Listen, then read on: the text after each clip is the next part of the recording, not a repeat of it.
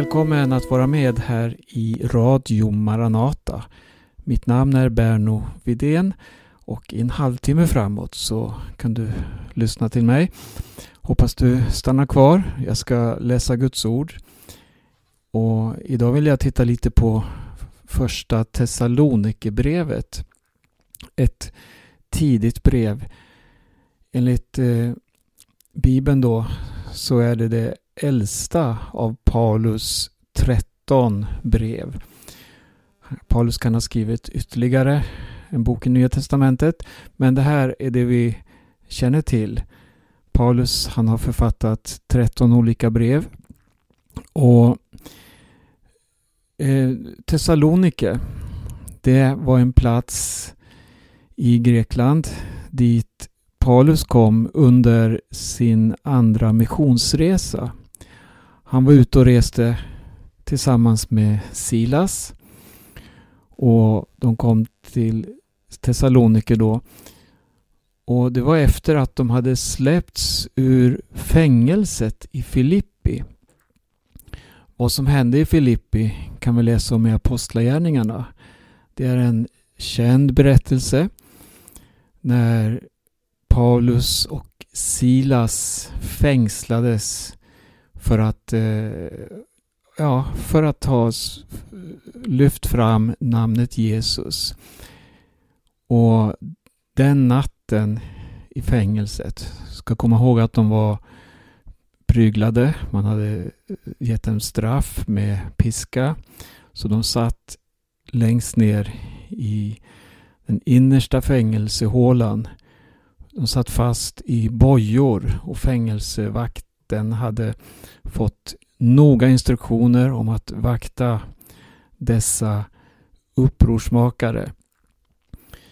Men Paulus och Silas, det här, det här är märkligt. I deras situation, under deras smädelser, så står det att de lovade Gud mitt i natten. De sjöng lovsånger så att det hördes i hela fängelset. Och så kan vi läsa hur himlen sanktionerade deras sång. Det blev jordbävning och alla fängelsets dörrar öppnades. Det blev så dramatiskt att eh, fångvaktaren han tänkte ta sitt liv. För att om fångarna flydde så insåg han att det här skulle vara dödsstöten för honom. Han skulle själv bli avrättad. Men Paulus han utropade till eh, vakten där. Gör dig inte illa. Vi är alla här. Och Det här är en oerhörd bild. Alla bojor hade brustit. Dörrarna hade öppnats. Fångarna, skulle man tycka, som satt där då, många kanske dödsdömda eller dömda till långa fängelsestraff, såg nu sin chans att fly därifrån. Trots att dörrarna öppnats och bojorna brustit så säger Paulus att alla var vi där. Och här ser vi något hur Guds ande kan fängsla människor. Situationen var inte utom kontroll utan Gud han manifesterade sig. Och fångvaktaren blev överväldigad när han fick se vad som hände. Och genom denna händelse så fick han höra evangelium och tog emot Jesus. Och samma timma den natten så lät han döpa sig. Han kom i syndanöd, vände om, tog emot Jesus och blev en ny människa. Ja, sedan följde då att Paulus och Silas de släpptes ut ur fängelset och de fick lämna den här platsen och kom så till Thessalonike som var huvudstad i den romerska provinsen Makedonien. Ett livligt handelscentrum. Och Paulus, sin vana trogen och sitt uppdrag troget, han gick direkt till judarnas synagoga. Och så kan vi läsa i Apostlagärningarna hur han under tre sabbater samtalade med judarna. Han eh, ville få dem att förstå vem Jesus var, att Jesus var Messias. Och utifrån skriften så talade han just om Jesus. Hur han hade fått lida men hur Gud uppväckte honom från de döda. Några av judarna de lät eh, eller de tog till sig ordet och omvände sig. Och det står i Apostlagärningarna 17 Eh, ett stort antal greker som vördade Gud och inte så få kvinnor av förnäm släkt. Det fanns alltså en skörd där i Thessalonike. Och inom loppet av några veckor så fanns det där en församling grundad i Thessalonike. Men eh, judarna, de förargades då man såg hur fler och fler judar vände sig till evangelium och tog emot Jesus. Och man var rädd att förlora ännu fler av synagogsmedlemmarna.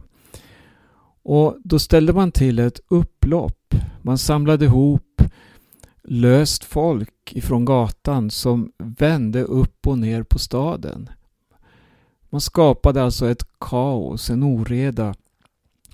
Och genom det här så tvingades Paulus och Silas att lämna platsen. Samma natt redan så reste de vidare till Berea. Och ja, det var dramatiska händelser. Eh, Paulus, han hade dock sitt hjärta kvar i Thessalonike. Han, eh, det, det står att han både natt och dag bad till Gud om att få träffa dem igen. Han eh, ville hjälpa dem med det som fortfarande brast i deras tro. Det var en ny, en ung församling som behövde vägledning. Och eh, det, det här kan vi läsa om i första kapitlet eller i, det, eller i flera kapitel i, i första Thessalonikerbrevet. Och det står till och med där att han hade gjort ett par försök att, att, att äh, återvända till Thessalonike men blivit hindrad. Istället så fick han eh, lämna också grannstaden Verea. Och där, för där ville man också ta hans liv. Man jagade honom. Och de, då reste de tillsammans då till Aten. Sen kan vi läsa senare hur Timoteus, alltså en av Paulus mest trogna medarbetare, tillsammans med Silas senare följde efter honom och träffade Paulus då. Och Paulus, han stod inte längre ut med att inte ha direkt kontakt med syskonen i Thessalonike utan då sände han Timoteus dit till församlingen. En tid senare så kom Timoteus då tillbaka och han berättade för Paulus vad, hur det var i Thessalonike. Det var glädjande nyheter. Trots motstånd från judarnas sida så stod där den nya, unga, kristna församlingen i Thessalonike. Man stod fast vid den övertygelse man fått i namnet Jesus. Och Det står till och med hur den här församlingen den missionerade så att ordet blev känt vida omkring. De var ivriga att eh, verkligen nå fram med budskapet. Eh, första Thessalonikerbrevet det utmärker sig på ett väldigt speciellt sätt.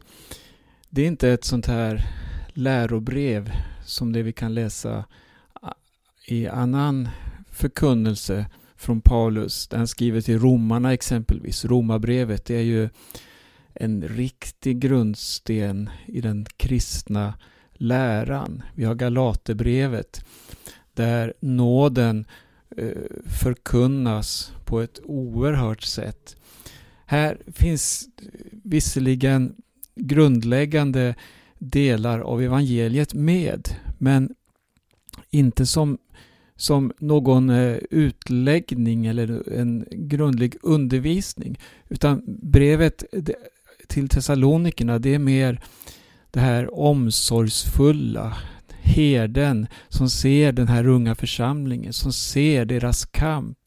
Och herden som, eh, ja, han, han ger sig ut helt och hållet och vill ingjuta hopp hoppet. Han vill ingjuta just tron på Gud hos eh, församlingen, hos syskonen där. Han vet vad de genomgår. Han vet om vilka lidanden de får utstå. Kanske främst från judarna, från synagogan, från det religiösa ledarskapet. Det finns med eh, grundläggande satser i det här brevet. Jag ska, jag ska bara nämna eh, just eh, det, det som de hade, det som gjorde att församlingen hade en rejäl grund att stå på. Det står i första versen exempelvis i hälsningen redan här eh, från Paulus, Silvanus och Timoteus till Thessalonikes församlingen som lever i Gud Fadern och Herren Jesus Kristus. Nåd och frid vare med er. Det här var viktigt att, att eh, poängtera Gud Fadern och Herren Jesus Kristus. Det är det som är orsaken till ah, det här brevet. Det är det som är orsaken till församlingen, till den gemenskap ni nu har fötts in i. Och längre fram så står det i vers 5 vårt evangelium kom till er, inte bara i ord utan också med kraft och den helige Ande. Alltså Fadern, Sonen och den helige Ande eh, är med i inledningen av brevet. Sen, sen, sen det här som har med försoningen att göra. Det, det är så viktigt och det framkommer i all Paulus undervisning. Här påminner han Thessalonikerna om honom, han som blev dödad. Ja, som i vers, kapitel 2, vers 15. Vi kan läsa vers 14. Ni bröder har ju blivit efterföljare till Guds församlingar i Judeen som lever i Kristus Jesus. Ni har fått utstå samma lidanden från era landsmän som de har fått från judarna, som dödade både Herren Jesus och profeterna. Det står om han som blev dödad. Och här eh, Jesu död då, så, så, står också profeterna med. Och i en förlängning förstår Thessalonikerna att det här är den relation världen har till församlingen eller till namnet Jesus. Sen att han uppstått från de döda finns också med. I, vi går tillbaka till första kapitlet. Där står det i sista versen. Det är som att vänta hans son från himlen. Honom som Gud har uppväckt från de döda. Och eh, sen har vi en sak till. Det här med att vänta hans son från himlen. Det har ju med tillkommelsen att göra. Och sen har vi i andra kapitlets sista vers. Här skriver Paulus då. Vem är vårt hopp, vår glädje, vår ärekrans inför vår Herre Jesus när han kommer, om inte ni? På olika sätt så ser vi hur de här äh, viktiga bitarna av evangelium finns med i första Thessalonikerbrevet. Även inte om det är i undervisande form. Alltså vem Gud, Fader, Son och Helige Ande är. Om han som dog, han som uppstod och han som ska komma tillbaka. Det här hoppets budskap, det genomsyrar hela brevet. Nu vill jag peka på en eh, väsentlig skillnad eh, i ett annat brev som vi läser om i Uppenbarelseboken. Det är brevet, eller sändebrevet som de kallas, till församlingen i Efesus. De fick ju, den här församlingen fick ju väldigt gott vittnesbörd om sig. Det står i Uppenbarelseboken 2 och 2. Jag känner dina gärningar, ditt arbete och din uthållighet. Väldigt goda vitsord får man här alltså. Men det fanns något väsentligt som saknades. Jag har en sak emot dig, att du har övergett din första kärlek. Och det, det här är så viktigt. Vi kan sitta eh, och vara delaktiga i en febril verksamhet. Vi kan ha mycket gärningar, vi kan ha möten och göra så mycket gott och vi kan äga uthållighet och så vidare. Men vi ser i sändebrevet här att de hade övergivit sin första kärlek. Och vad handlar denna första kärlek om? Ja, det var så viktigt att i sändebrevet så står det att, det, att de skulle vända om, för de hade fallit. Och så skulle de återigen göra sina första gärningar. Annars skulle det föra med sig konsekvenser. Man skulle helt komma på sidan av den kallelse man hade från Gud. Och man förlorar den första kärleken. I första Thessalonikerbrevet så finns också de här egenskaperna med i beskrivningen som Paulus ger då när han, i, i, i hälsningsfrasen i första kapitlet. I vers 2 står det så här. Vi tackar alltid Gud för er alla när vi nämner er i våra böner. Ja, det är stort. Så här. Vi tänker ständigt på er gärning. Men det står nog mer här än det vi läste om i Efesierna. Vi tänker, på er, tänker ständigt på er gärning i tron. Ert arbete i kärleken och er uthållighet i hoppet till vår Herre Jesus Kristus inför vår Gud och Far. Vi kan ha de här egenskaperna. Vi kan ha gärningar, vi kan ha arbete och uthållighet. Men här ser vi något som ger substans, som ger innehåll och hopp. Nämligen att det finns en tro som bär. Det finns en kärlek som håller samman och en, ett hopp som gör att vi kan blicka framåt. Och hoppet är ju att Jesus lever och att han kommer igen. Paulus skrev till församlingen i Korint att, att eh, om Jesus inte har uppstått från de döda, ja då är vi lögnare. Då är vi bedragna, de mest ömkansvärda människorna som lever på den här jorden, för då lever vi i en lögn.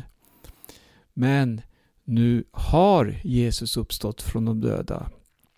Och det här hoppet har vi, det står fast. Vi vet snart kommer Jesus tillbaka.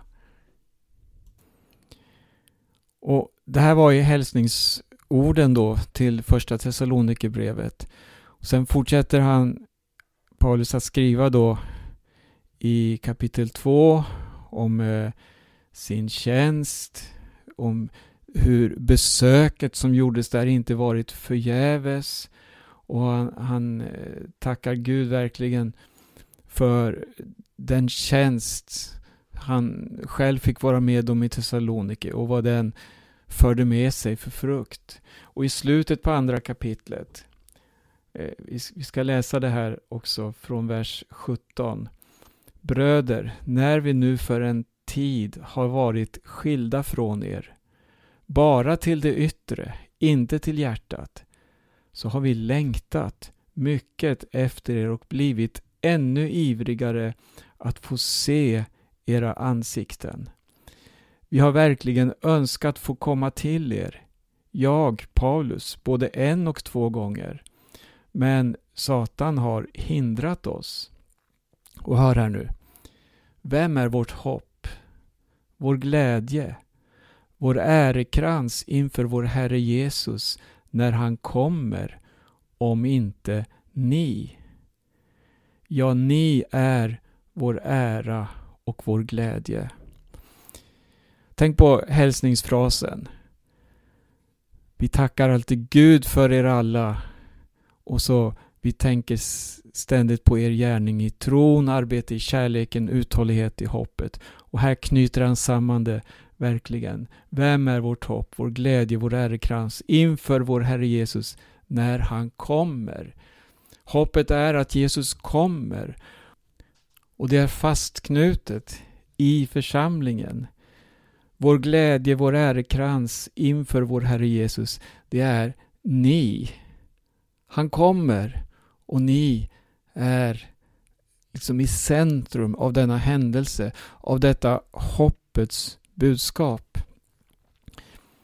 Paulus fortsätter sen i tredje kapitlet. Han börjar så här, när vi därför inte stod ut längre bestämde vi oss för att stanna ensamma kvar i Aten och sände Timoteus, vår broder och Guds medarbetare i Kristi evangelium. Han skulle styrka och uppmuntra er i tron så att ingen vacklar under dessa lidanden. Ni vet ju själva att det är bestämt att vi ska utstå sådant. Och sen, ja, sen kommer Timoteus tillbaka, det har vi redan talat om här. Hur Paulus fick denna glädjande och styrkande rapport ifrån Timoteus. Längre fram i tredje kapitlet så kan vi läsa här hur Paulus skrev då. Men nu har Timoteus kommit tillbaka från er med goda nyheter om er tro och kärlek. Han har berättat hur ni ständigt tänker på oss med glädje och längtar efter att få träffa oss, liksom vi längtar efter er. Så har vi genom er tro fått nytt mod när det gäller er bröder mitt i alla våra svårigheter och lidanden. Nu lever vi när ni står fasta i Herren.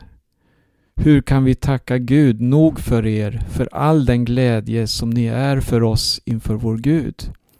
Natt och dag ber vi med stor iver om att få se era ansikten och hjälpa er med det som brister i tro.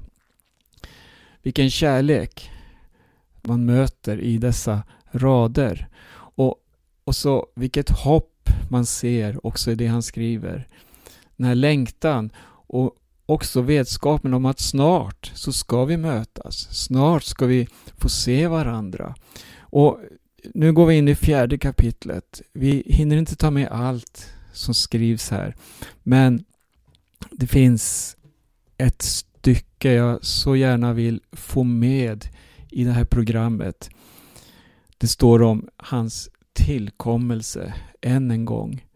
Och här eh, det, det, det är så att luften vibrerar då Paulus eh, i det här brevet då skriver om tillkommelsen. Och jag läser till från vers 13. Bröder, vi vill att ni ska veta hur det blir med dem som har insomnat så att ni inte sörjer som de andra, de som inte har något hopp.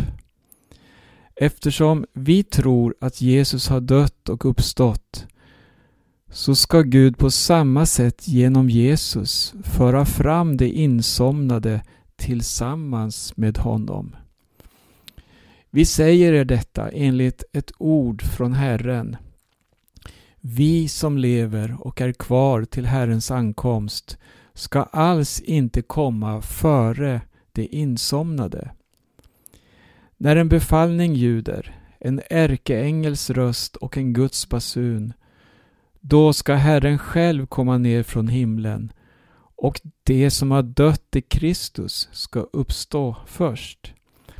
Därefter ska vi som lever och är kvar ryckas upp bland skyar tillsammans med dem för att möta Herren i rymden. Och så ska vi alltid vara hos Herren. Trösta därför varandra med dessa ord. Eh, de här verserna har välsignat mig själv många gånger.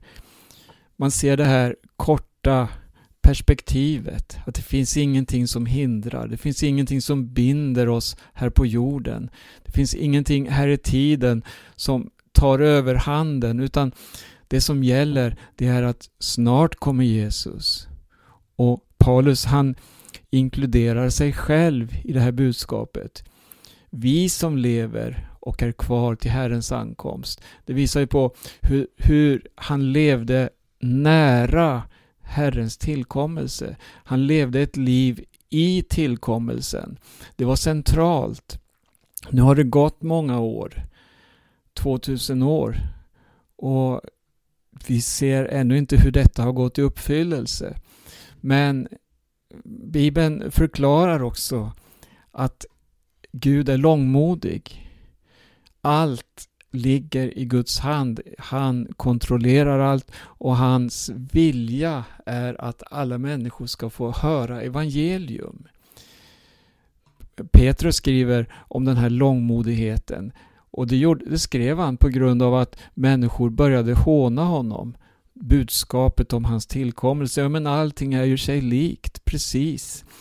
Men så förklarar Petrus att ni har glömt bort vad historien lär.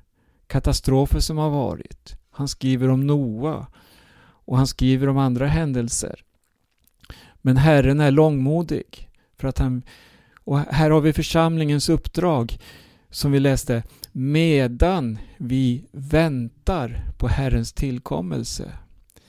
Arbeta i kärlek, ha uthållighet i hoppet, gärningar i tron medan vi väntar på Herrens tillkommelse. Och Paulus skriver här, vi som lever och är kvar till Herrens ankomst ska alls inte komma före det insomnade.